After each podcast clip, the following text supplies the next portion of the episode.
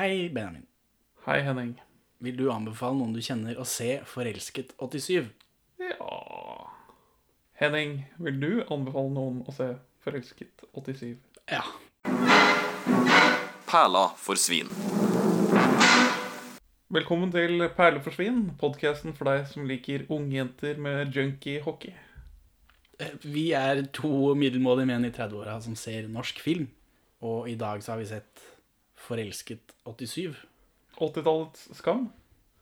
Jeg fant Jeg er glad du sa det. Jeg fant et Facebook-innlegg av NRK Oi, oi, oi. fra eh, Fra 6. oktober 2016. eh, Hvor de, hvor de drar fram Forelsket 87. Var det datidens skam? Er, eh, er overskriften. Og de, de turte ikke å stadfeste det på Det er ikke noe utropstegn her, hører jeg. nei, det var spørsmålstegn.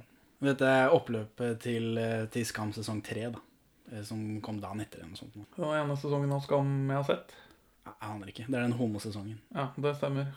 Så eh, er det datidens skam? Ja. For slik jeg har forstått folk som har jobba med ungdoms-TV i NRK på 90-tallet, altså Bård og Harald, så snakker de en del om at uh, i gamle dager så var det gamlinger som lagde TV for de unge.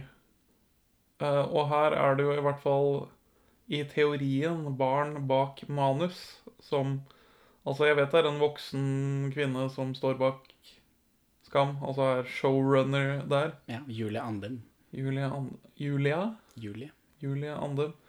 Um, og her, her har vi et kvinnenavn jeg har skrevet ned her i mine notater et eller annet sted, som er eh, skriptansvarlig. Som jeg tror er bakmannen bak serien. Men eh, hva er dette? Vi må begynne med det først. Ja, hva er dette? Eh, dette er en sju episoders kortfilmserie med de samme skuespillerne og en helhetlig kontinu- kontinuitet. Det er ikke en antologi, som jeg først antok at det skulle være, siden det er syv forskjellige skoleklasser som skriver manus for hver episode. Eller altså syv skoleklasser har hver sin episode. Men det viser seg allerede i episode to at dette ikke er frittstående historier. Det er en kontinuitet. Ja, det er jo da det vil vise seg, da. Episode to. Det er sant. Men du går eh, litt eh, farlig dypt i materien. Dette er en Det er en serie som blir sendt inni en annen ungdomsserie. The, Blikkboks. Som er en sånn midt i smørøyet eh, forløper. Kan du stave blikkboks for meg? Eh, B-L-I-K-K. Og så er det vel B-Å-X. Det er Altså, sånn man staver ting på 80-tallet Ja. hvis man skal være kul, da. ja, jeg reagerer på at det ikke er, overraskende nok ikke er Blixboks. Jeg ser for meg at det var to lange dager i møterommet i NRK for å droppe X-en først der. Det beste jeg vet på blikkboks, er makrell i tomat. Mwah.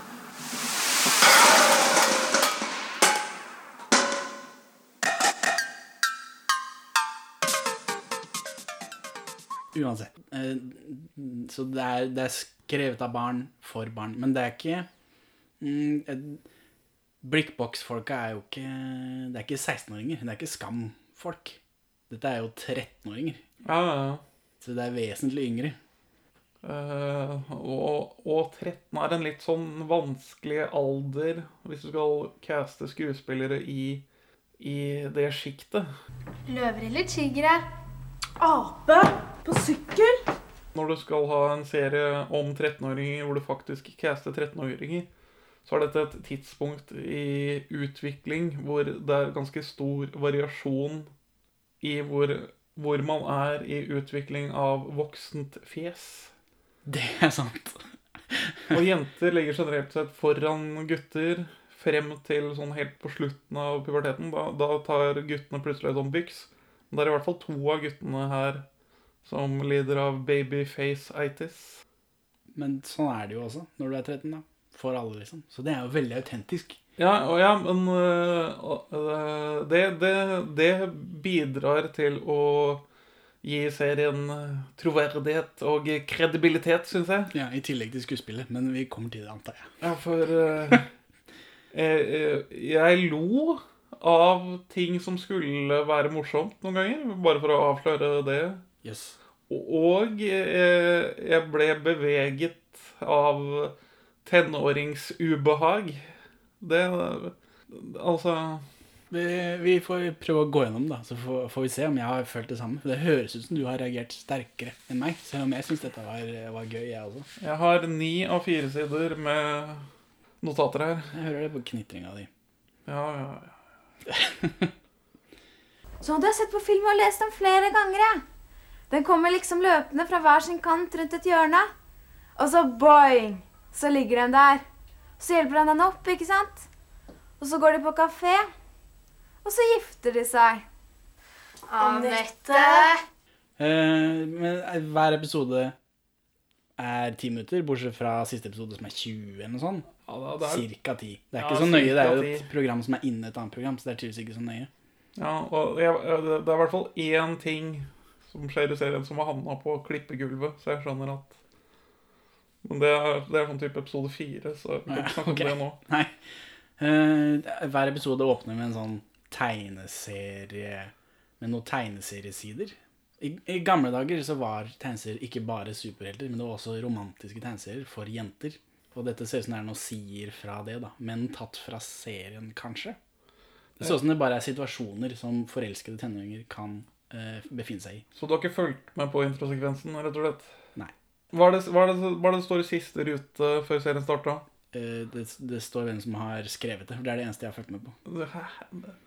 Ok, eh, det er en eller annen kjent tegner som har tegna det her. Ja, det så jeg, men eh, fordi han har en egen Wikipedia-side. Men Ja. han har tegna masse ting som jeg aldri har hørt om, så jeg har ikke skrevet en annen. Men ok, de første sidene som vises i denne introen, er bare sånn nondescript uh, Å, tenker han på meg? Å, jeg skal, må bare tørre å sende dette brevet. Sånn Ja.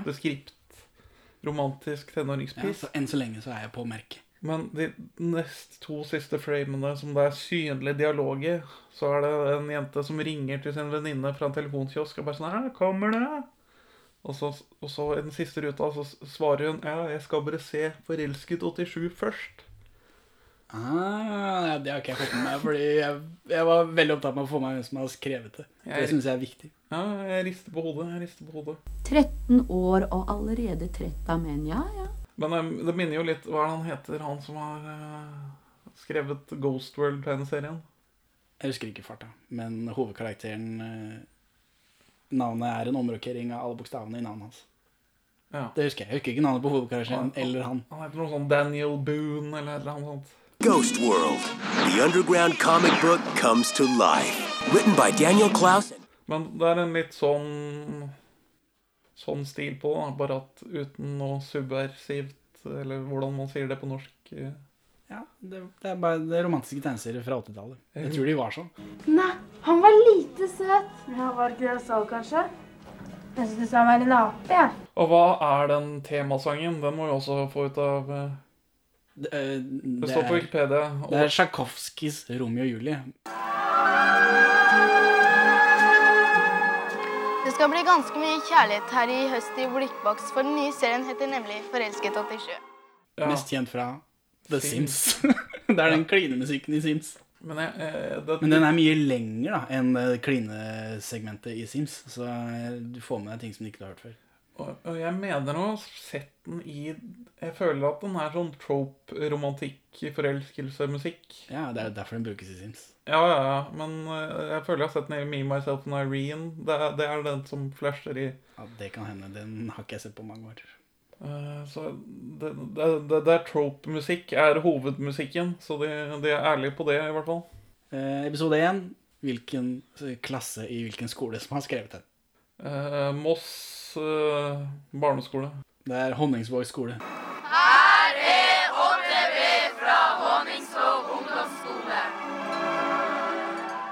Men jeg tenkte altså Honningsvåg Det er oppe i Finnmark, er det ikke det? Eller er det Troms? Eller det er et stykke unna. Tåsen. et stykke unna Tåsen. Er det ikke der du er fra? Henningsvåg? Henningsvær heter det. Hæ? er du fra et sted som heter Henningsvær? Nei, men det fins et sted som heter det. Ja. Er Som den, eh, den eh, torskelåt om det. Ikke tenk på det. En ekte lofottorsk jeg er, for jeg er født i Henningsvær. Fadderullan deg, fadderullan deg, fadderullan dullan deg. Men jeg kan huske å reagere på det at Uh, ungdomsskoleelever i Finnmark skal skrive eh, lurer- dialog for uh, Oslo-tenåringer. Nå, den dialogen skinner ikke gjennom med sin autentitet. Nei. Autentitet. Men den er variabel i kvalitet, da. Så deppa du ser ut, av. Slapp av. Denne filmen vi får deg i humør, garantert. Jeg har sett den før. altså. Det er en dødskul. Altså, Den dama som er med, da, hun er nydelig. altså. Jeg har også lurt på hva er logistikken? Hvordan har de skrevet dette? Hvis ti minutter på hver sin klasse Hvordan har de skrevet dette for å få det til å henge sammen? Har de ja, jeg skjønner ikke. Nei, for jeg mistenker at det er en god del vokseninnblanding. Ja, det skal jeg ikke se bort fra. Det må Men så henger ikke serien sånn kjempegodt sammen fra episode til episode heller. Nei, er, men øh, jeg fikk, ikke, jeg fikk ikke inntrykk av at denne historien skulle fortsette sånn helt i starten. Nei. Jeg trodde, det, jeg trodde det var en sånn joke punchline på første episode. Ikke en ape engang! Han er en slimål! Fy søren, for en drittsekk! Det er en guttegjeng og en jentegjeng, og så er det et par episoder som fokuserer på hver av disse parene, virker det som. Samtidig som alle sammen er sammen hele tiden. Men vi får ikke noe god introduksjon på dette er den gjengen, og dette er den gjengen, og så blander de seg. Nei, det, det skjer litt sånn I de, liksom, I den første episodene så er det Dette er hovedkarakteren vår. Dette er vennene hans. Dette er den andre damekarakteren. Dette er vennene hennes. Men så viser det seg at alle disse vennene er like viktige. Men det eh, fikk ikke jeg med meg sånn til å begynne med. Men eh, Nei, De var øh, litt sånn faceless goons. Uh... ja, til å begynne med. Og, så, og plutselig så er så etter et par episoder er det de som er hovedkarakteren. plutselig. Og det, jeg merka at det var en litt annen storystruktur enn jeg har sett ellers. Men det gikk jo helt greit. Til slutt så var det liksom en del av gjengen. på en måte. Du kjente alle plutselig. Og- Uten, at, uten at jeg hadde regna med det til å begynne med.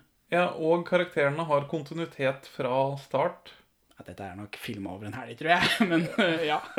altså, øh, en karakter jeg har kalt øh, Lille Leder i min ja. Altså han med denim oppe og nede. Ja. Lille leder. Han, han er litt sånn frekk i tonen, rask i replikken. Men har et hjerte av gull. Han virker som han bare er kødd, men han har strenge rettferdighetsregler han lever etter, og har samvittighet. Og det har han fra og med første sekvens til siste. Så det Ja, det er jo veldig godt gjort av eh, klasse B, 8B Honningsvåg. Det skal bli deilig å vite at vi går i ungdomsskolen i hvert fall. Ikke i barneskolen lenger. Kan jeg bare få risle, risle og rasle litt her for å finne det navnet jeg reagerte på? Altså hun som jeg tror er Julie Andem i denne serien. Helle Bakkland. Hun tror jeg er edderkoppen som sitter og drar i nettet, om det er lov, lov å si det slik. Men da igjen så blir jeg, lurer jeg på hva er det disse klassene bidrar med? Er det, er det de kleine eh, liksom De rare tinga som skjer? For det er, det er noen sånne romantiske greier som går igjennom, og så er det sånn og så er det en drømmesekvens hvor han ene fyren lokker opp døra i Ja, feil leilighet. er- Som kommer ut av ingen steder. Og så er det noe Hun ene blir påkjørt av en bil som ikke har noen konsekvenser for noe. Jo, hun har jo armen. Ja, ja, men det har ikke noe for storyen. Også, Nei, nei, ja, det, det er jo det mest uh, skuffende i serien, er jo at nynazistplottet ja, ikke følges opp. Ja, og det og øh, er det, Men er det det disse klassene bidrar med? Nei, men øh, det er litt uklart, og jeg tror kanskje hadde tjent noe på å se Blikkboks. Hold din superdust! Eh, Men, men det i hvert fall jeg ser for meg, er jo at dette er en klasseromsøvelse. Og det, altså, det må jo ha vært en involvering hvor man har planlagt hvor det skal starte og hvor det skal slutte. For det Eller Karakteren Geir introduseres jo ikke før i sånn episode seks. ja. For da, for da er det liksom Da er hun som er sånn story script supervisor Å, faen, vi sitter igjen med en karakter som ikke har forelska seg. Hva gjør vi nå? Ja, en, ja. Eller? Jeg skjønner ikke. Altså, men hadde vi sett blikkboks, da, la oss si Kanskje det er Nei, hver episode har jo ikke tema heller. Det er ikke sånn at de snakker om uh, at, eh, at drømmesekvenser er, er, er, er rare greier i blikkboks, og så, og så klipper de til episoden av, av Forelsket 87. Ja, jeg ser for meg Petter Nome som Ja, nå skal Alle har vel sikkert drømt at de er på skolen, og så plutselig har de ikke på seg bukse. Dette skal vi få høre mer om, og så kan vi diskutere det senere. Vi har med en kjent drømmeekspert fra Amerika. Velkommen til dagens blikkboks. vi skal ha en del musikk i dette programmet, og, og vi skal bl.a. snakke om press. Ja. Og det vil si da benkpress og buksepress og sognepress og Elvis-press. Nei, Snorre, det skal vi ikke. For vi skal nemlig prate om røykepress og motepress, og da er det ikke til å se bort fra at vi må innom tekstilindustrien. Blikkboks er ikke ledet av Petter Nummen, bare så det er sagt. Men han leder jo alt på 80-tallet. Hvem er det som leder Blikkboks? Eh, jeg Er tror det, barn... det er ungdommer. Er det, er det når barna begynner å få makten i gåsetegn i NRK-serier? Eh, ja. For jeg har jo et forhold til Midt i smørøyet. Ja, har vi et forhold til Midt i smørøyet? For det vi har sett i oppveksten, er Smørøyet bare. En serie som kom etter Midt i smørøyet igjen. Ja. Sinn blåst. Så der fikk du den. Sånn Borgen skole og sånt nå, det har ikke vi vokst opp med. Nei. Nei. Det Det, er- det er Midt i ingenting.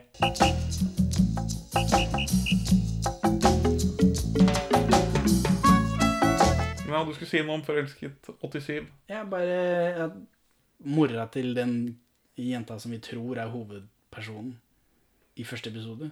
Vi blir øh, via seriens språk fortalt at dette er hovedpersonen. Og så er det ikke det likevel da, til slutt. Men, eh, men mora hennes er en ordentlig skuespiller. Det er Lilly fra Lillys butikk eh, som gikk på barne-TV da jeg var liten.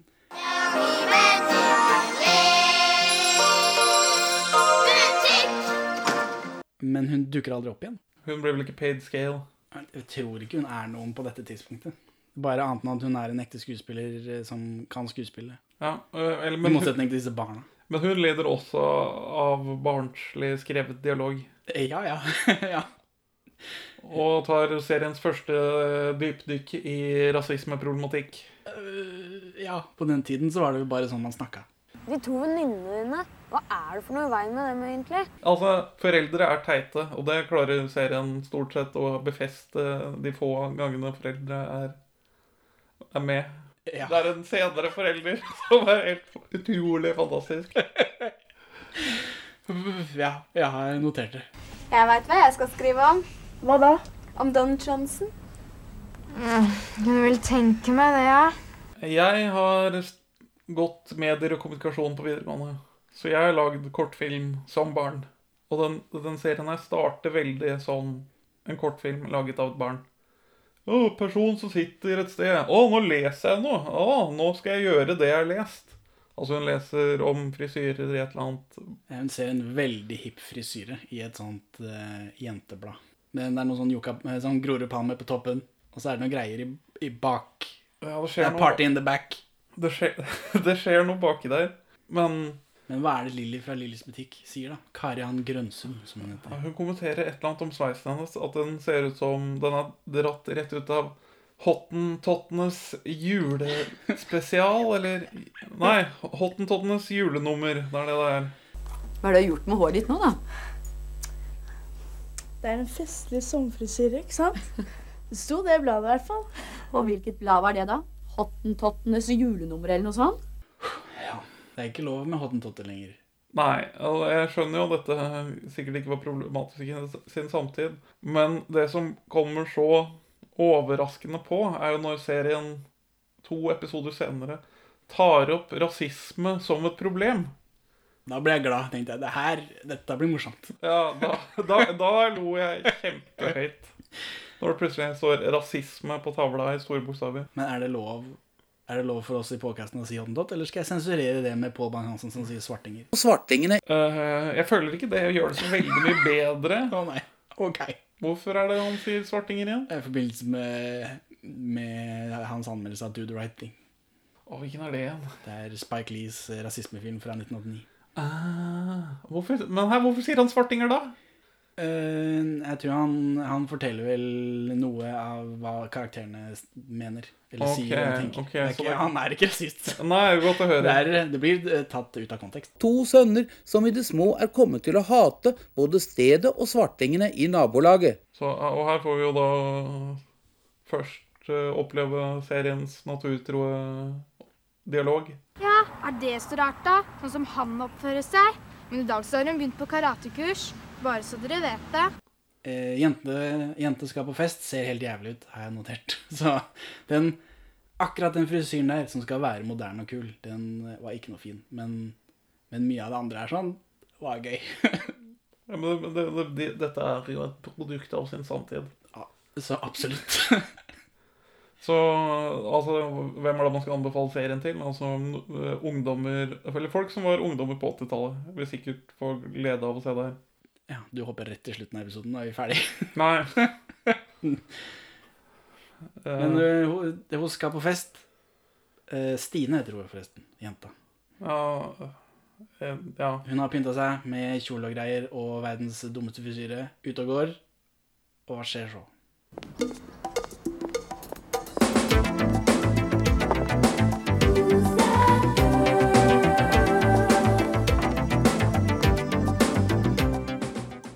I episode 1.03.02 Mikrofon i bildet har jeg skrevet her. I episode 1 også? Ja. Yes, ja, det fikk jeg med Jeg tror det er første shot eh, på uh, utesekvensen. Ja, nei, det så jeg ikke. Som også bærer veldig preg av at her er det barn som lager TV. Den derre «Å, nå, Vi skal lage en film. Hva hva er det, hva er det folk Vi må filme hva, hva som skjer. Ja, og det som skjer, er, er jo at man går steder. Ja, det er helt riktig. Altså, altså Kanskje barna har gjort storyboards også. For eh, no- Storyboard, den du mener den actionsekvensen som kommer nå. Vi blir introdusert for Morten, som er ute på sykkelen sin sammen med vennene sine. Han sitter og lener seg til tre og ser kul ut. Ja, og så ser han eh, Stina, som er skikkelig heit, tydeligvis, når hun går forbi. Ja, han, han blir helt satt ut. Jeg, jeg har skrevet ordet leitmotiv her. Jeg vet ikke om jeg bruker det riktig, men den I min definisjon av begrepet leitmotiv, så er jo den Tsjajkovskijs Nei, nå, nå roter jeg. Nå er den Who's That Girl? er Stina sin signaturmelodi. Hva er det du tenker på? Er du helt gæren, eller? Se hva du har gjort, da! Idioter som deg vil ha sperra inne et sted. Er det det? Det dukker ikke bare opp akkurat den scenen? Nei, nei, nei, den kommer flere ganger. Denne, når han, hver gang han ser hun, så kommer den sangen, basically. Men han er på sykkelen. Han ser henne og bestemmer seg for å sykle etter eventuelt bare være litt tøff. Ja, han sy- sykler noe kult forbi henne, og da, men det blir en sånn uh, haisommer-shot hvor han kommer bak henne, og så sykler han bare forbi, ut på et opp- eh, åpent område, og så tar han og snur igjen og blir stående der litt. Ja, han skal tøffe seg. Han vil ha oppmerksomheten hennes. Han vil se kul ut i det hun tilfeldigvis går forbi. Og så sykler han mot henne igjen. For å tøffe seg. Ja. Og så blæster han rett på en stein. Action! Pow! Han kner i trynet. Jeg skjønner ikke fysikken i akkurat den krasjen. Nei, for han eh, flyr voldsomt gjennom lufta. Ja, men jeg blir med på det. Det er greit. Det er barn som har skrevet det. Og så lander de nede i en grøft. En ganske dyp grøft. En nygravet grøft. Og hun sier, 'din dritt'. Ja, hun Men altså Jeg setter pris på at disse barna har skrevet eh, sterke kvinnelige karakterer. Ja, ja, for hun er irritert fordi den eh, kjolen fikk jord på seg. Uh, og så går, tråkker han i baret, sånn som man ofte gjør når man er betatt av noen og sier ting feil. Så flaks at kjolen ikke var noe fin fra før av, da. ja. ja, han er smooth. Han er smooth. Men, men først er det jo sånn kjærlighet ved første blikk. Når hun ser han Og så er det 'din dritt'. Ja, så Tsjajkovskij kommer inn, denne. og så Ja, men det er noe sånn kjærlighet ved første blikk-greie.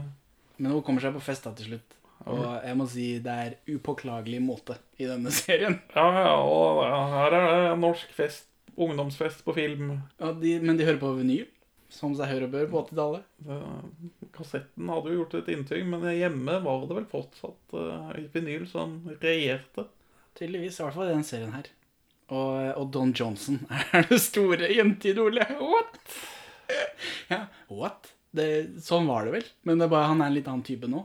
Ja, men så han var liksom Miami jentenes uh, Samantha Fox på tidspunktet. Eh, tydeligvis.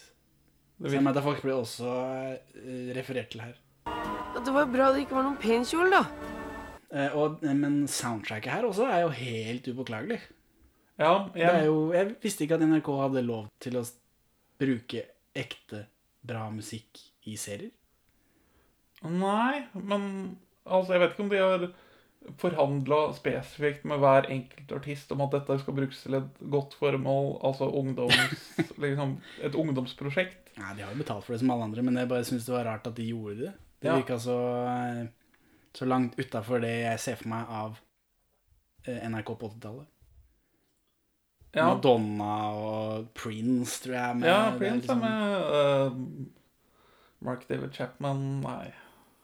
Det er han som skjøt John Lennon. Ja, den- George Michael. Ja. Eller Van, da. den. ABBA. ABBA, ja. Det er masse, masse store klassikere fra 80-tallet som passer temaet. Men, men hva slags avtale er det NRK har kjøpt det under? Er det ikke sånn at NRK ikke har lov til å vise serier på nytt etter å ha gått sånn ett år, av da må de betale for musikken igjen? Eller var dette annerledes på 80-tallet? Jeg aner ikke. Men de har litt sånn forskjellig utgåelsesdato på disse TV-seriene de kjøper. Men dette er jo noe de har lagd selv. Så de har kjøpt det med sånn 99-årsklausul eller noe annet? Jeg aner ikke. Jeg ble i hvert fall overraska at det var såpass bra musikk. Ordentlig musikk. Men da, på den tida så var dette ny og fresh musikk, kanskje. For oss nå så er det jo dette det er eh, gammelmannsmusikk.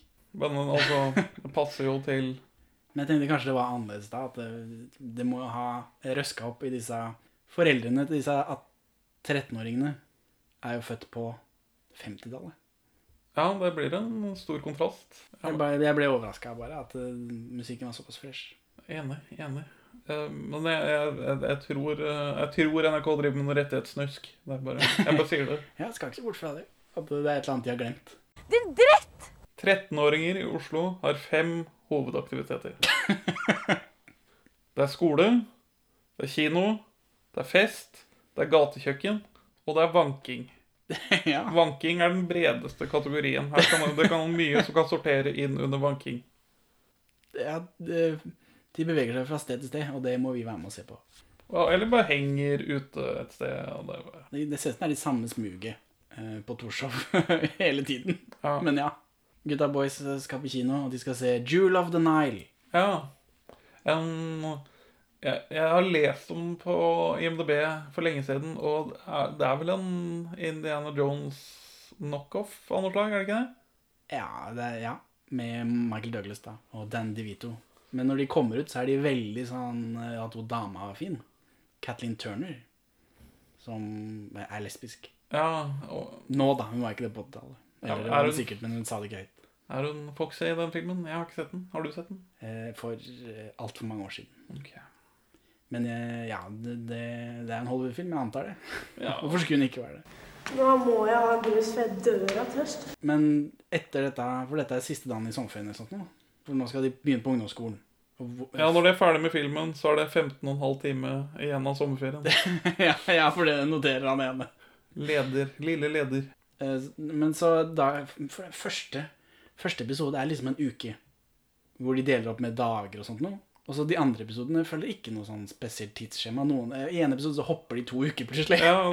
og så er det jul og det, det. Nei, Jeg skjønner ikke. Men for her trodde jeg at liksom det tidsbegrepet skulle ha noe å si. Som i tilfelle var en antologi, antologi, sier det du, Benjamin. Antologi? At at det, for da tenkte jeg kanskje det var forskjellige historier fra episode til episode, sånn som du snakka om. Og det hadde at det skulle være en uke, liksom. Men nei, det hadde det ikke. Det var bare Jeg vet ikke hvorfor de gjorde det. Du skjønner, Morten gjør ikke narr av Stine. Hva han vil lo av. Morten syntes synd på Stine. Nå har det jo skjedd en del etter det også. Men kanskje det ikke er for sent likevel? Skal vi stikke opp til Stine og fortelle henne det? Kan jo gå. Stine er på fest med venninnene sine. Og så kommer han eh, Morten på sykkelen til kompisene sine siden de skal på kino. Og så forklarer han hva som har skjedd. Mens hun driver og snakker om Var det kjærlighet ved første blikk? Og sier hun nei, det var ikke det, selv om det egentlig var det. Og så plutselig ser de at han står utafor der. Ja, for den guttegjengen har parkert seg tilfeldigvis rett utenfor vinduet til den jentegjengen.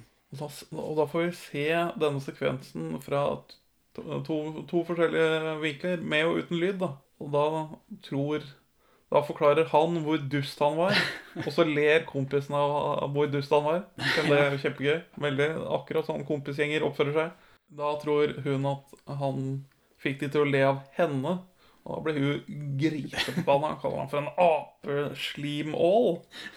ja, Men- det er sterke ord. Men uh, den, denne sekvensen kontrasterer uh, brutalt til den forrige sykkelsekvensen, som var elendig i sitt uh, filmatiske språk. For dette, denne sekvensen fungerer og bruker et, et kreativt grep til å fortelle historien. Og det tommelen opp. Var det karatekurs du sa han hadde begynt på?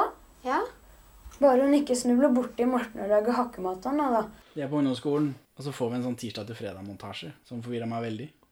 Ja, hvor, hvorfor er det plutselig montasje?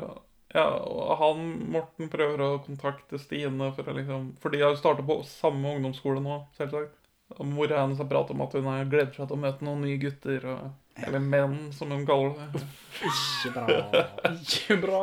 Men ja, den ukemontasjen kommer litt malplassert og bidrar til dette at antologifølelsen Men, eh, men det kan vi bare glemme, for det kommer aldri tilbake. Så er det også Men begynner de For vi er i klasserommet der sånn, og så læreren snakker Begynner, begynner man på særoppgave første uka på ungdomsskolen? Nei, det tenkte jeg ikke over, og det, det stemmer. Det gjør man ikke. For det gjør disse. Og så får de De får til neste time, altså i det faget, antar jeg, på å velge særoppgaveemne. Ja. han har skrevet opp fem alternativer på tavla, hvorav en av de er rasisme. Ja, jeg tror det er mer forslag, for han ene har lyst til å skrive særoppgave om Don Johnson. Så jeg vet ikke om, om de må velge av dem. Men og, og han andre vil jo veldig gjerne ta rasisme, da. Morten er egentlig jævlig snill, skjønner du.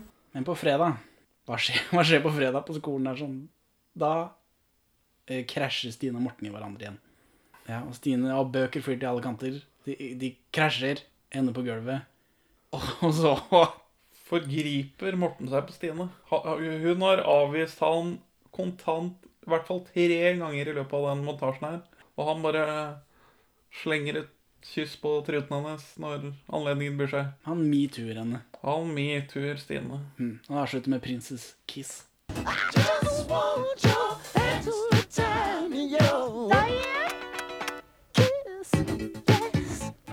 Så, og så rulletekst. Rett rulletekst. Så jeg trodde at det var the joke to end. Jeg trodde Nå er historien ferdig, tenkte jeg. Hvordan avslutte en eh, Altså, For det, det passer med tanken om at det er barn som har skrevet det. Vi har ikke noen god måte å avslutte den historien der på, så vi bare slutter med et overgrep. Takk for det. Men hva er foranledning til at han løper, da? Nei, det husker jeg ikke. Ja, For det er um, Gutta henger i parken. Jeg vet, et ultranaturlig bilde av at de sitter på gresset, rammet inn. Kjempenaturlig. Sånn, sånn guttegjenger sitter på gresset i parken. Rasisme? Hvorfor skal du skrive om det, da? Nei, jeg tror kanskje jeg også skal skrive om rasisme. Ja, jeg tror kanskje jeg òg. Ja, Men skal alle det. Da, da, må vi, da må vi krangle om bøkene på biblioteket. Ja, er en diskusjon som ikke eksisterer nå om dagen. Jeg trenger ikke å krangle hvis man kommer først i biblioteket. Og så Det er grunnen til at han løper. Han har en motivasjon, Henning. Det er viktig for karakterene. Det kaller jeg effektiv sjekking, Morten. Vil de ikke prate med deg, så slå dem ned og kyss dem. Elskede, se, her har jeg plukket årets første blåveis til deg. Men så er det episode to, da. La du merke til at det er en helt annen bildekvalitet? Den, fordi den åpner eh, Den følger den andre episoden rett etter, så de begge to ligger på gulvet ennå. Og genseren hennes har en helt annen farge. Jeg ble forvirra. Ja, men det er jo bare Ja, kanskje de Har de bytta filmrull imellom, liksom? Men kanskje de eh, skåt en eh, pilot først, da. For å se om dette konseptet kunne fungert. Ikke på NRK. Nei, det er sant. Men eller så kan det Men noen av episodene så tenkte jeg på at det føltes ikke som om dette var For du sa tidligere at jeg tror ikke dette bare er film over en helg. Eh, Jeg tror egentlig ikke det. For i noen av episodene så føles det som om eh, kontinuiteten er brutt for skuespillerne, og de har prøvd å sminke de opp så likt som mulig som i foregående episode. Nei, jeg, jeg tenkte ikke så mye på det, annet enn akkurat i denne, hvor du går fra det samme shotet i en episode til det samme shotet i den andre episoden, og så er fargene helt annerledes. Så da la jeg merke til det. Jeg tror episoden er skutt over sju forskjellige helger. Det var veldig mange helger, da. Det er sju episoder. Hva er det du driver med? Hva er det du driver med? Ja, fordi Stine ble jo forbanna, da, selvfølgelig, for hun blir eh, kysset uten sitt samtykke. men- Etter å ha blitt uh, døtta ned. Og, og her får vi det som da enten er barns idealisme eller voksne som innblander seg for å prakke på sunne verdier. For hva er Stine sin reaksjon på å bli kysset mot sin vilje? Hun melder seg på et selvforsvarskurs for kvinner. Serien forteller unge kvinner at dere vil bli krenket av menn. Dere burde ta grep og lære dere selvforsvar. Og det, det er jo riktig nå som da. Kanskje mer da, til og med. Så, ja, vi håper det, da. Men så spørsmålet mitt er Er det idealistiske barn som skriver inn som, Altså, de får de manuset fra Honningsvåg. og så ser de bare sånn her, Hva faen? Det her er ikke greit. Du kan ikke drive og kysse noen uten samtykke. Nei, da må hun kunne slå tilbake. Ja, så jo- står læreren med det tankekartet eh, med kritt og bare Ja, ja, ja, det er bra. Selvforsvarskurs. Det kan vi få med inn her. Men det dukker jo opp som et plot point senere også, dette selvforsvarskurset. Ja, ikke, ikke spoil. Nei, nei, nei. Kompisen hans disser han med rette for hans grep, og sier da Ja, det her er effektiv sjekking, Morten. Slå dem ned, og så kyss dem. Og da tar han ene og går ned på kne og liksom sier noe sånt som Ja, her, kjære, her er årets første blåveis. Som er litt sånn lett humor rundt vold mot kvinner. Det, jeg, jeg, jeg, jeg lo. Jøss, du er glad i milkshake, altså? Uh, men ja, han er på kiosken. Uh, Easy Reidars kiosk. Er Easy Reidar er, eh, er Eivind Blunks Reidar, som forresten også er en karakter fra disse blikkboks-greiene. Er det det? Det ja, er en- Om ikke det er før det igjen også. Men okay. derfor er liksom den samme type program. Stek noen vafler av mutter'n, eller noe sånt. Jeg har nemlig brent høl i lomma på nye dunjakka. Fordi jeg måtte sneipe røyken der så jeg ikke skulle bli ferska. Mutter'n, du, jeg blir litt busy nå med lekser og sånn. Eh, Jeg må ikke uroes. Kan ikke du ta og løpe i gang vaffeljernet eller noe sånt, da? Så jeg veit vi har det. Jeg syns det var festlig at Reidar som, altså, Du tenkte på Reidar med en gang du så denne karakteren, gjorde du ikke det?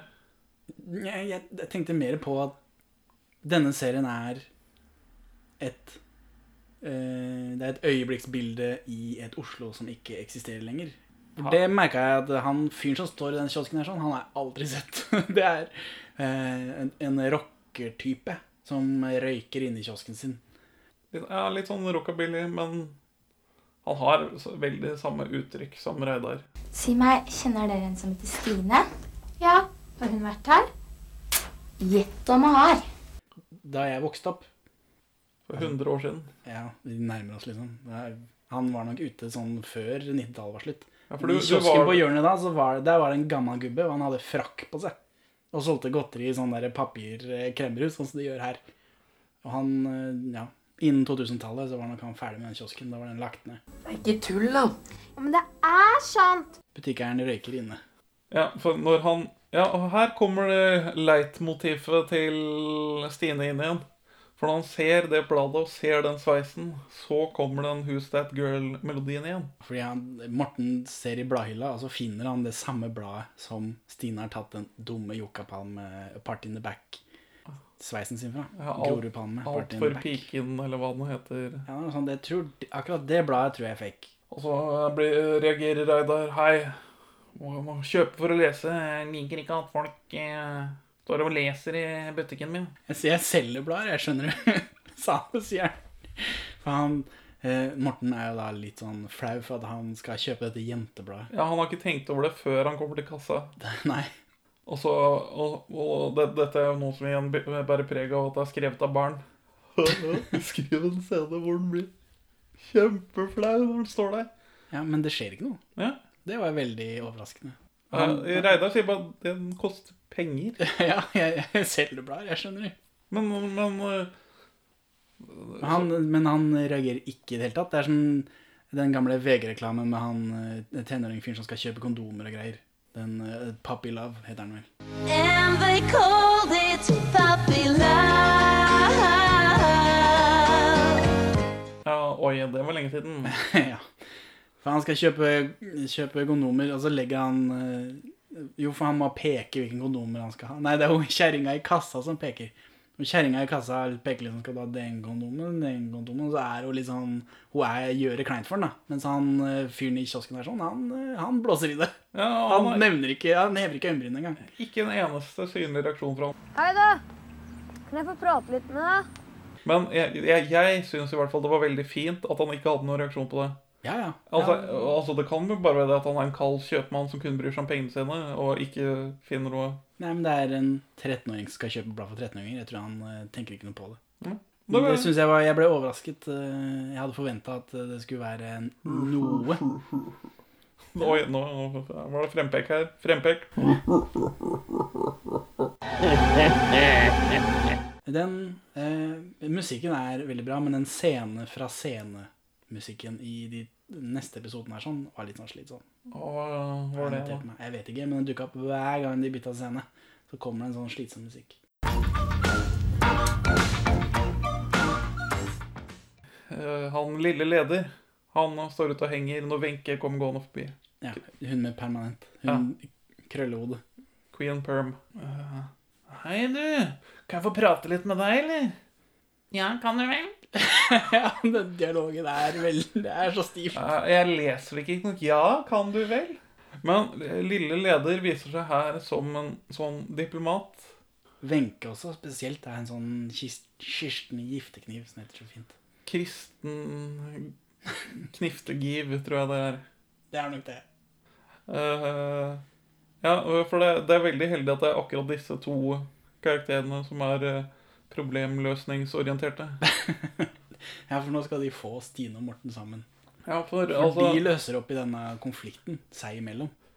ja, for lille leder har et sånt rakkerung, eh, pøbelaktig ytre, men Ja, det er fordi han har denim on top og denim on bottom. Ja, og en sånn rar hockeygreie gående.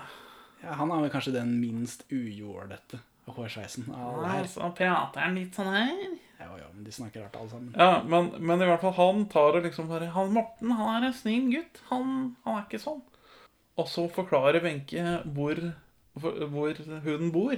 Fordi de står jo om tre... Eller, ja, nei, hun Nei, du kan ta for å få lov til å følge med hjem. Sånt bullshit. Ja. Så da følger han eh, henne hjem mens de prater. Og så forklarer han til slutt at Eller nei, Wenche avslører at hun bor her. Som jo gjør at de, hun avslører at jentene så Morten fortelle om den greia. Og så forklarer han hva som egentlig skjedde. Han løser opp forvirringen. Så da skal de dra til Stine De løser opp forvirringen for oss som ser på, tror jeg. Jeg tror ikke de ordner dette for Stine og Morten. Nei, nei, men det, står på Det står på to do-listen Ja. for serien her. Ja, for da drar de hjem til Morten, da. For å ordne dette, eller? Ja, Men Stine ja de, nei, de, de, de drar først for å finne Stine. Stine er ikke hjemme. Så drar de for å finne Morten. Men hva er det Stine har gjort? Fordi Stine, som har vært på karatekurs, har blitt venninne med en av de jentene som har gått på karatekurs. Så skal hun være med hjem til henne for å lære seg å slå hardere. Ja, eh, men eh, jeg, må bare venninne på karate, som jeg kaller junkie hockey. For jeg er rimelig sikker på at eh, hun den dag i dag har samme sveis og sitter og tigger i den passasjen mellom Oslo S og T-banestasjonen. Fy da. Marianne heter hun i serien i hvert fall. Junkie hockey. Ja, for da blir Stine med Marianne hjem. Og så driver de og skal Hun har boksehansker på og hjelm og greier, og de driver og slåss. Men så viser det seg at denne Marianne er søstera til Morten. Så plutselig så er Stine hjemme i leiligheten til Morten. Oh my god. Forviklingskomedie. Ja, og så Og Morten lukker opp døra. Hei, skal du ha noe mat? Og så bare oh fuck, Stine ser Morten plutselig der. Hun har boksehansker på. Kliner den. Bam! Så vold løser alle problemer. Unnskyld at jeg dro til deg, ass, var bare at det sto så laglig til, liksom. Men igjen får vi se at barna har klart å skrive inn litt kontinuitet. da. Altså For i sekvensen før så beskriver eh, lille leder Morten som en veldig snill fyr. Og Morten er da hjemme hos seg selv og går for å helle seg litt appelsinjuice. Og så går han og spør sin søster om hun også vil ha appelsinjuice. Og det er altså omtenksom type, eller? ja, veldig. det er vel for å, å bevege plottet, kanskje. Ja, men altså, om du beveger plottet og eh, bygger Eller fordyper karakterens Altså, sånn han lever opp til beskrivelsene av de rundt, jeg syns det er bra. Har du lyst til å bli med hjem til meg, eller? Kan vi godt? Ja, det, ja kan vi godt? Eh, Jeg klarer ikke å lese det tilstrekkelig flatt og platt. Nei, det er veldig bra skuespill. Det, det er gjennomført bra. Det er bra at vi har fått ordna opp i dette her. Så hadde vi vel havna på sykehus begge to for slutt. Ja, i hvert fall jeg. Så kommer vi til episode tre. Ja, Blåveis avsløres når karakterene konvergerer. ja. For hun Wenche med permanentet sitt og han fyren med olajakke og olabukse, de De- kommer hjem til Morten. Og da får de se at Morten er, banka til blods og, Ja, og, det- og ligger på kne og vasker sitt eget blod av gulvet. Ja, for det har jo gått veldig hardt for seg. Han har blåveis og neseblod, Ja, liksom. vi, vi blir vel fortalt senere at det var bare ett slag, da. Jo, hvordan er hun til det? tok han ikke og curbstompa han mot sengekanten eller noe? Jo. Hvis det er lov Hun har iallfall blitt veldig god på karate. da Hvis det er ett slag gir blåveis neseblod og nok blod til at du må vaske gulvet. Ja, han ser ut som en fyr med et litt sart fjes, da. ja, kanskje.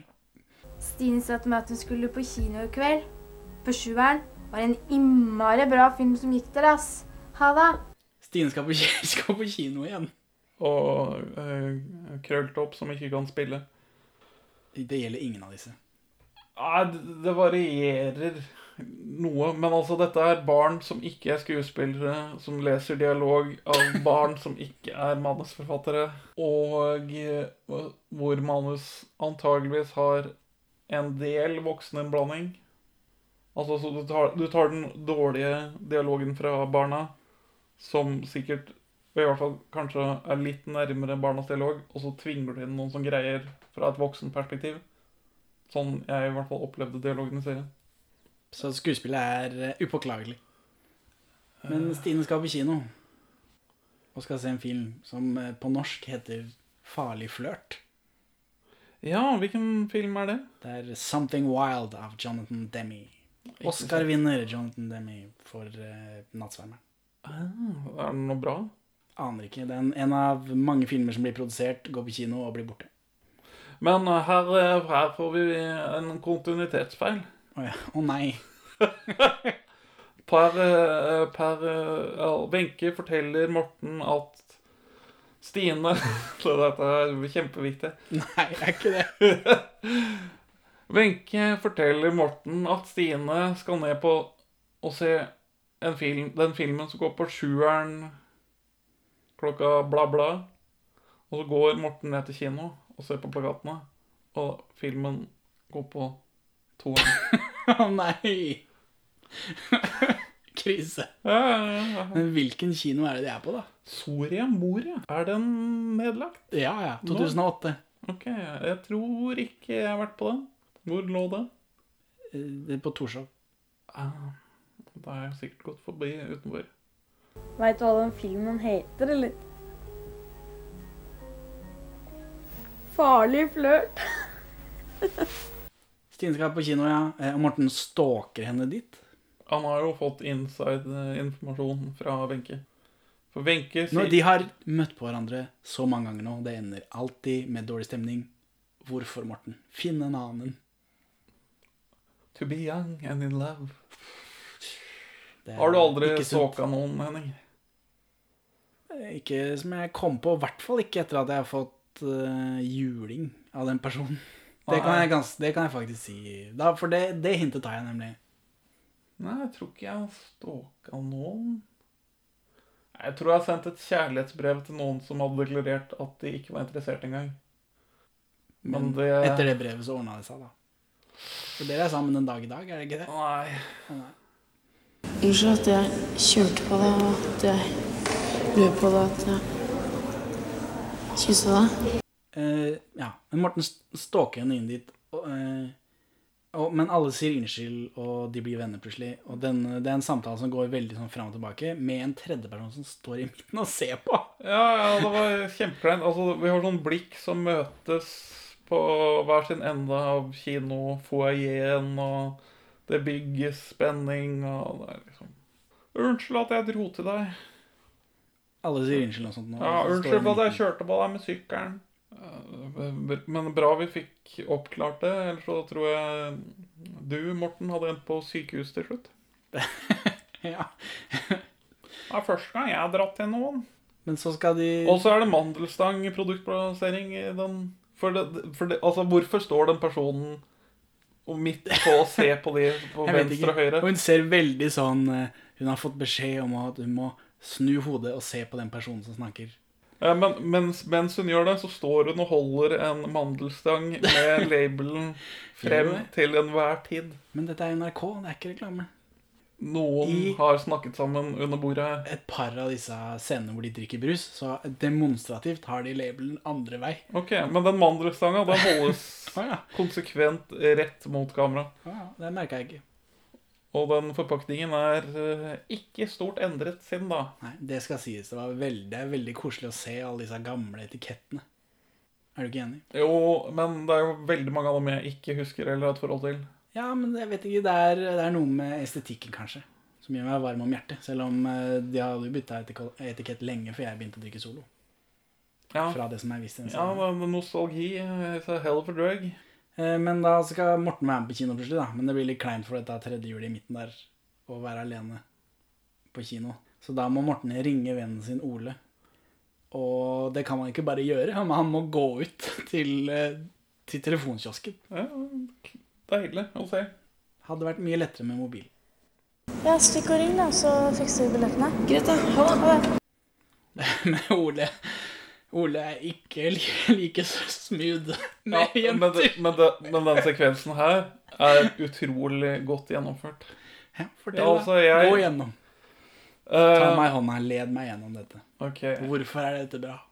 Så vi har et sånn klassisk shot på noen som sitter på kino. liksom et, Enda en ting som jeg ble overraska at du får lyden av den amerikanske filmen. Du får ikke se filmen riktignok, men lyden får vi. Mye av det. For den scenen her er jo satt til dialogen fra Something Wild. Ja, han jukser ikke der. Jeg Nei, tror det, det vil anta at han ikke gjør det. For de bruker jo ordentlig musikk. NRK mangler å betale noen rettigheter for å vise den serien her på sin nett-TV. Er jeg 100 overbevist over. Prins har et veldig strengt estate. Ja, og er han var veldig streng når han fortsatt levde. Så Ja, men han godkjente den serien her, vet du. Har prins hatt en sånn privat visning på en sånn TV-kvalitet Betamax hjemme på Neverland-gården sin. Nei, vent litt. Det er en annen fyr. Ja, men det de det de hadde felles, var uh, smertestillende problematikk. ja. Men det er bare en av dem som Ja. Men uh, Prince var jo Jehovas vitne, og det var vel eh, Michael Jackson en stund også, før han ga seg med det. Så der er de to ting til felles. Nok om det. Hilleproblematikk og Jesus. Det er første gangen jeg har dratt til noen i hele mitt liv, altså. Ja, det kjentes ikke sånn ut. Ta, ta meg i hånda, Benjamin, og led meg gjennom denne, denne sekvensen. Hvorfor er det så bra? Nei, fordi Så nå har vi to par på kino. Og så ser vi Vi, vi får en sånn oppbygning av uh, Morten som legger en plan for hvordan å legge hånden sin over skuldrene til Stine. Dette er da hovedpersonene, tror vi, enn så lenge. Og Stine øh, Og det, det, det er tøft gjort. Jeg, jeg, skjønner, som tidligere barn, så skjønner jeg at dette her kan være fryktelig vanskelig. Men han gjesper ikke. Han tar, drar ikke den klassiske. Han bare, han bare gjør det. Han bare Ja, kjører på. men, men han starter oppe på setet. Han legger hånda si oppe på setet. Ja, ja, må være litt smooth. Og så får han et visst samtykke fra Stine. For en gangs skyld. Ja, ja. Hun lener seg litt inn i det, og da tør han å senke armen ned. Og så en panorering over til hun som sitter ved siden av Stine, for de har guttene på hver sin side. Så at jentene kan snakke sammen eller noe annet. Og så ser hun at dette skjer med naboparet, og hun er veldig gira på at det samme skal skje. veldig gira! Hun har ekstremt tydelig kroppsspråk der hun dytter seg inn på kompisen. Og han sitter der med Med skrekk i blikket. Ja, A thousand yard stare er vel uh, nærmeste billedbeskrivelse du kan finne på Wikipedia, i hvert fall. Hvis du går på Wikipedia-siden på A New York stare, så får du se blikket til hva sa han het? Ole heter han. Ole. Og han sitter der stiv og ser bare rett frem. Og da får vi et klipp til, eh, til høyre, sånn at vi får se det fra hans perspektiv med henne i bakgrunnen. Og da er det en svettedråpe som renner ned langs siden. Nydelig gjennomført. Film er et visuelt medium. Og dette var en meget god sekvens. Og, men her flytter plutselig serien fokus fra eh, Morten og Stine til Ole og Anette, som hun heter. En stund. Jo, jo flere barnekokker, jo mer søl. Ja, jeg føler vi har dekka det nå, men det er bare Her skjer det. Og dette er jo begynnelsen av episode tre, så i to episoder nå så har det vært Morten og Stine, og så plutselig bytter vi fokus eh, i begynnelsen av episode tre. Ja, for neste sekvens er på biblioteket etter det her. Og da får vi igjen en sekvens hvor eh, jeg lurer på om dette er barns idealisme eller voksnes innblanding for å innprente sunne verdier på norske tenåringer. Morten og Ole sitter på biblioteket og har en sånn snakk om følelser. Og dette er jo noe gutter generelt sett gjør. Ja, i virkeligheten. Som voksen også, når jeg føler at jeg har sånn tålelig grep på følelsene mine, så er det sjelden jeg snakker om det. I, med, i, i, sjelden jeg har en verdifull samtale om det med en kamerat. Nei, man må som regel være emosjonelle parasitter på den kvinnelige delen av befolkningen for å få sortert noe i det her. Ja, ofte. Selv om liksom det er hva enn det måtte være. Om det er om min kamerat har hatt et samlivsbrudd, og jeg har vært gjennom det samme før, så er det sjelden jeg liksom åpner opp for det. Men disse her er, på. Ja, for kvinner må ikke gjøre brorparten eller søsterparten av husarbeidet. De må også gjøre søsterparten av det emosjonelle arbeidet. Noe som vi menn ikke engang enser at faktisk krever arbeid og krefter. Nei, men eh, så er det veldig tøft å, å, å bare stenge alt inne, da. Det er ikke lett. Kvinner vet ikke hvor vanskelig det er å være mann. Jeg kan bare ikke noe for det, altså. Det bare blir sånn. Jeg klarer ikke å tenke og begynner å skjelve og svette og søle. altså. Men Gutta Boys er skrevet av en kvinne. Det er det du forteller meg nå. Nei, det er ikke det prøver. Men ja, altså hun Buckland, eller hva hun heter. Om det er henne, eller om det er læreren som lever denne, leder denne skriveworkshopen, som sier at ja, men for å få løst problemet sitt, så må gutta snakke om det. Han Ole, da, som virker til å slite med en eh, angstlidelse. Eller noe sånt. Han Han er, er- han er ikke så smooth. Han er overraskende god til å prate om hvordan han syns det er vanskelig. Og Morten er også overraskende god til å gi positiv input. Konstruktiv kritikk. Ja. Eh, Det er ikke kritikk engang. Ja, bare peptalk. Sunne forbilder, skriver jeg her. Ja, ja. Så barns idealisme eller voksen innblanding. Uklart. Men det, det er i hvert fall fint å se positive forbilder for unge, da. Skrevet av unge, visstnok. Hva er det jeg er så redd for, da? Jenter er ikke farlige, altså. For det føles ikke sånn veldig påtatt, men som en som er litt bevisst om at gutter er svake på det, så Ja, jeg har ikke notert det. Så det var ikke påtatt. Men så kommer det noe som er veldig påtatt. Så kommer det noe jeg har notert. For her, her er det noe å ta tak i. Eh, Ole og Morten eh, de er jo også der, men vi blir også interessert for han ene fyren med rødt hår.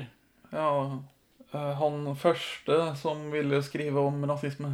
Og hvorfor ville han skrive om rasisme? Det grunnen blir vi også introdusert for i denne scenen. For i hans oppgang bor det en pike av Etnisk tilsnitt. Ja. Og, og Vi har ikke noe homo- eller lesbisk alibi i den serien her. Nei. Men vi har et rasealibi. det, det rasismegreiene her har ikke aged så fryktelig bra. Det kunne vært verre, for å si Det- det sånn. det Det kunne- kunne, vært mye verre. De, de veld- prøver. Det blir veldig rart når serien starter med Hottentott juleeventyr. Det er vanskelig for de i 1987 å vite hva vi skal synes i dag i 2000 og Det er sant. når det enn det måtte være. Så det får bare være. Men det kunne vært mye, mye, mye verre. Har sett verre. Så det var derfor du prata om rasisme, ja, sier vel lille leder. Ja, fordi Den eneste grunnen til å bry seg om eh, noe utenfor sin egen sfære, er jo fordi det er noe i din sfære. Det- Dessverre. Det bryr meg ikke om rasisme hvis ikke jeg kjenner noen som kan bli utsatt for det. Hvis ikke jeg er glad i noen som kan bli utsatt for det. Så, så vi blir introdusert for det, da. Men, men det kommer ikke tilbake før om en stund. Fordi vi følger fortsatt Ole. Og den The Game-boka, sjekkeboka, er ikke funnet opp ennå, så han må finne en annen bok. Ja, en liten ting til på øh, den rødhåretes øh, quest for love, er jo at lille leder pusher kompisen sin til å gå og snakke med henne. Ved å true med å gå og snakke med henne først. Og så har du ikke fått deg til å prate med henne ennå. Nei. Altså, gå og gjør det nå, da. Nei. Hvis ikke du gjør det, så gjør jeg. Han er ennå ikke blitt koblet med noen av seriens kvinnelige øh, protagonister, så vidt vi vet. Ja, nei, Så han er fortsatt en fri spiller i dette kjærlighets-oktangelet. ja, han og Wenche har jo eh, hengt sammen og konspirert, men eh, det har ikke Han har fått hjem, noe som ja. basically er en date. Ja, skulle tro det, men eh, de forteller ikke det med filmens språk og eh, lydbilde. Nei, det er sant. Det har ikke vært noen leit Noe de motiv. forteller veldig hardt med de andre. Så det, jeg har ikke festa meg i det. Det virka ikke som de hadde noe på G. Men jeg hadde den, sekvensen som vi skal over på nå. Du ville prate litt om den, sa du det? Om at han får låne en bok, bare. Ja, for han ble tipsa av øh, Morten om å låne kunsten å sjekke. Ja, eller noe sånt. Det en sånn... Kunsten å sjekke damer. Men den har de selvfølgelig ikke inne. Han får da låne boken 'Kurtisens hemmelighet'. eh, hvordan være en gentleman. Det høres jo bedre ut enn The Game. Og så han leser denne boka på sengekanten, da. Ja, og, og her, vil, her vil jeg gjøre en kontroversiell påstand om filmens språk. Er det greit? Ja, kjør på. Uh, i, I pysjen, og så legger han seg til å sove. Og da får vi en montasje med musikk av, med nærbilder av blomster. Som jeg først tolket som en sexdrøm. Å ja, men det er fordi du er en raring. Jeg, tenker, jeg lurte hva i alle dager er dette? Og så etterpå så har han valgt ut noen blomster. Så tenkte, Ja, ja. aha. Men altså, Han direkte klipp fra sovne til blomster. Det betyr drømme om blomsten og bien. Altså blomsten er parallell for kvinnenes kjøtt. Unnskyld, har dere en bok som heter 'Kunsten å sjekke damer'? Men det viser seg at det var ikke en drømmesekvens, selv om filmspråklig sett så var det det. Sovning til sekvens av blomster. Ikke en overgang som tilsier at han har gått på butikken. Men uh, altså, vi den scenen her er utrolig fantastisk. Altså, dette her var filmkunst av høyeste klasse. For det viser seg at drømmesekvensen var bare han som kjøpte blomster. Men drømmesekvens er et viktig begrep å holde fast ved.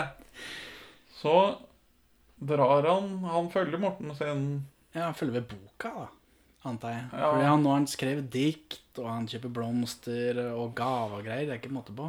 Han leser et dødelig dikt. Eller han ringer på. Han ser navnet til Anette på ringeklokka. Ja. Og så ringer, ringer han på. Døra åpner seg. Han ser noen bein. Dette er en fyr som sliter med angstproblematikk, så jeg tror på at han ikke tør å se henne i øynene før han begynner å lese diktet. Ja. Han bare kaster seg ut i det. Han ser noen feminine ben med noen feminine tøfler. Ja. Og kjører på. Og så leser han dette dødelige diktet ferdig. Og så hever han blikket. Eller kameraet tilter opp, om vi skal bruke det tekniske begrepet. Og hvem er det som står der, Henning? Det er Guttorm. Det er Guttorm. Hvordan vet jeg at han heter Guttorm, Benjamin? Kan det være det hvite pannebåndet med svart tekst hvor det står Guttorm på? Ja, det er nok det. Eh, og for det, den, det pannebåndet fyller jo veldig, ut, eh, fyller veldig godt ut resten av antrekket hans, som er en sånn skinnjakke med nagle på. Ja, han passer veldig godt som typecasta skurk til amerikansk ungdomsfilm fra perioden. Han er med i en av de gjengene i Warriors. Warriors, come out to play. Warriors, come out to play. Så Ole har da lest dette kleine diktet for en punker. Og, og så er episoden slutt, og jeg antok at dette var broren hennes. eller sånt nå.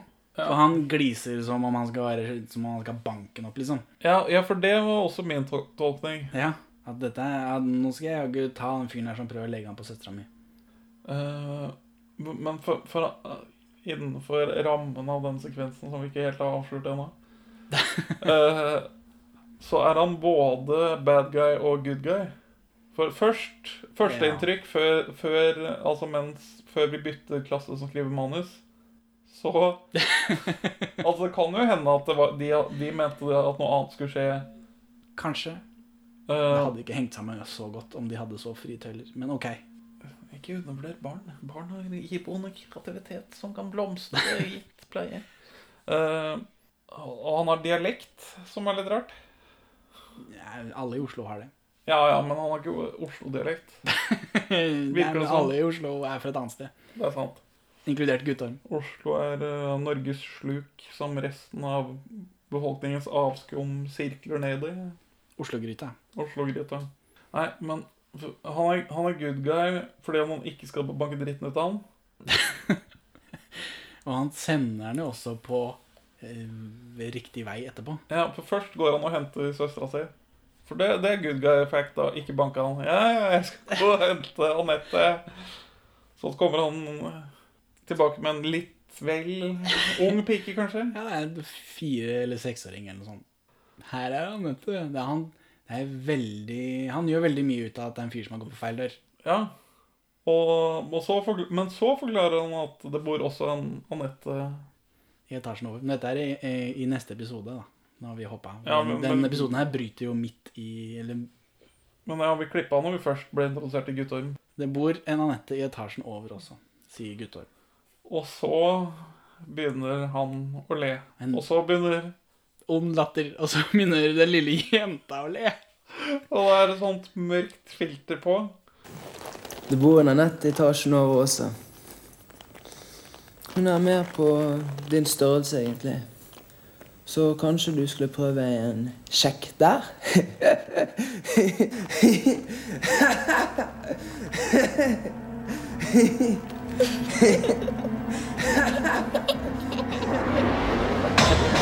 Og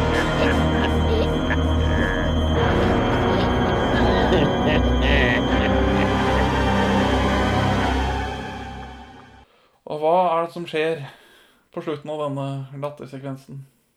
Eh, nei, det er en drøm, da. Ja, det, hvor er det han våkner opp? Han våkner opp på biblioteket.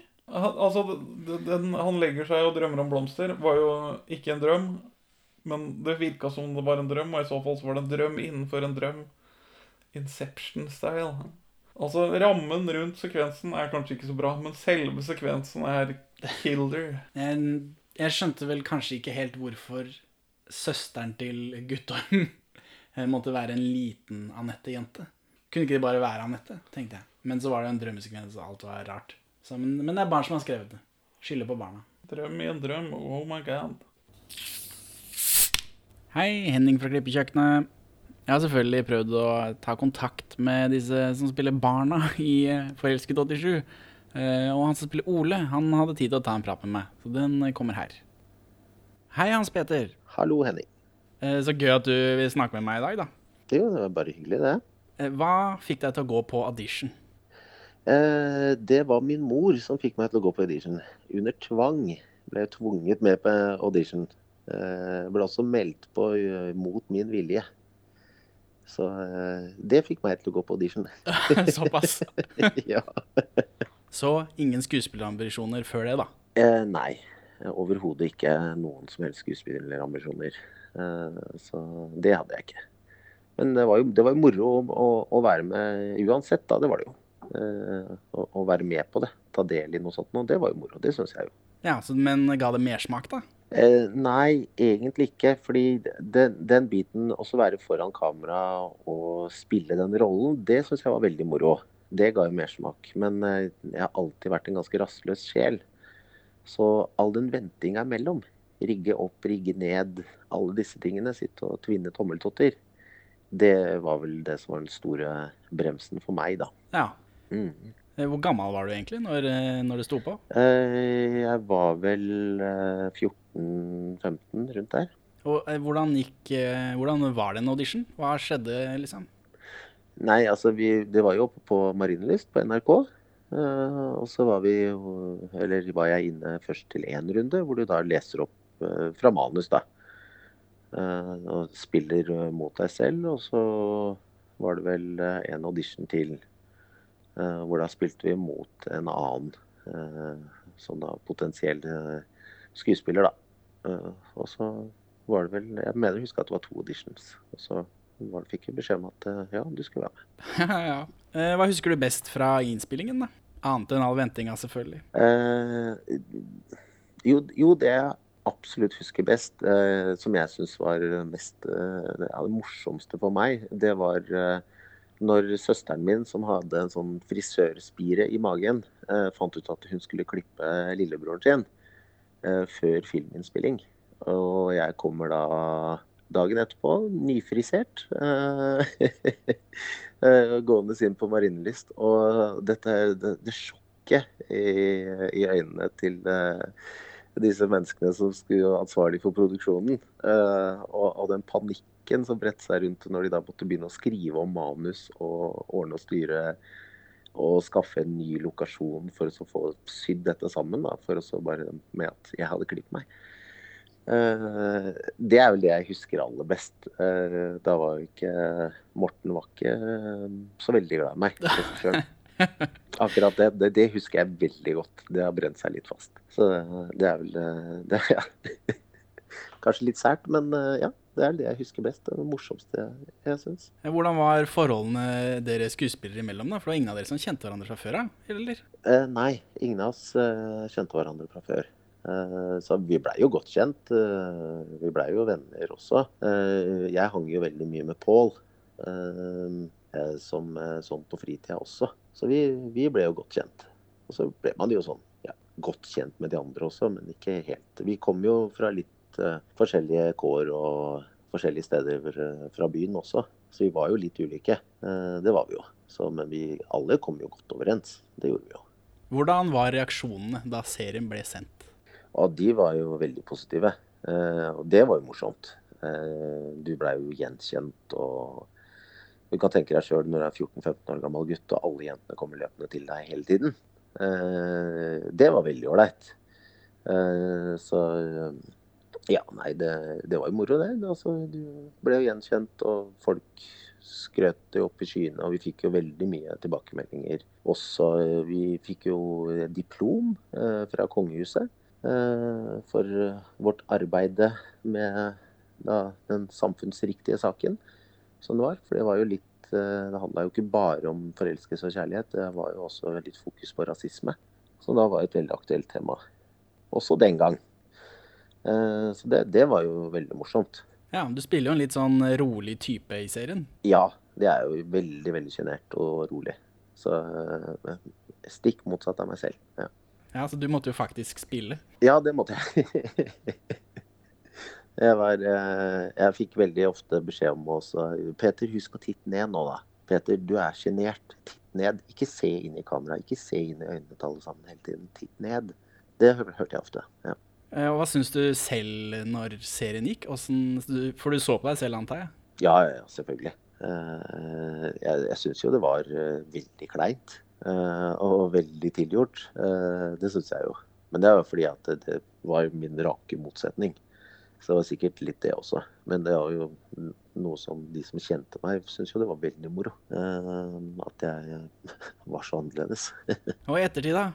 Blir du fortsatt gjenkjent fra Forelsket 87? Eh, nei, det blir jeg vel ikke. Jeg hadde faktisk eh, en, Det er et par år tilbake. Eh, så hadde vi en Vi satt på en lokal pub her i, i Askim, i, inne i Pink Corner. Eh, og så sitter du og tar en røyk, så kommer det en bort og som eh, dro kjensel på meg. eh, og lurte fælt på hvor og jobba og alt dette greiene her, da.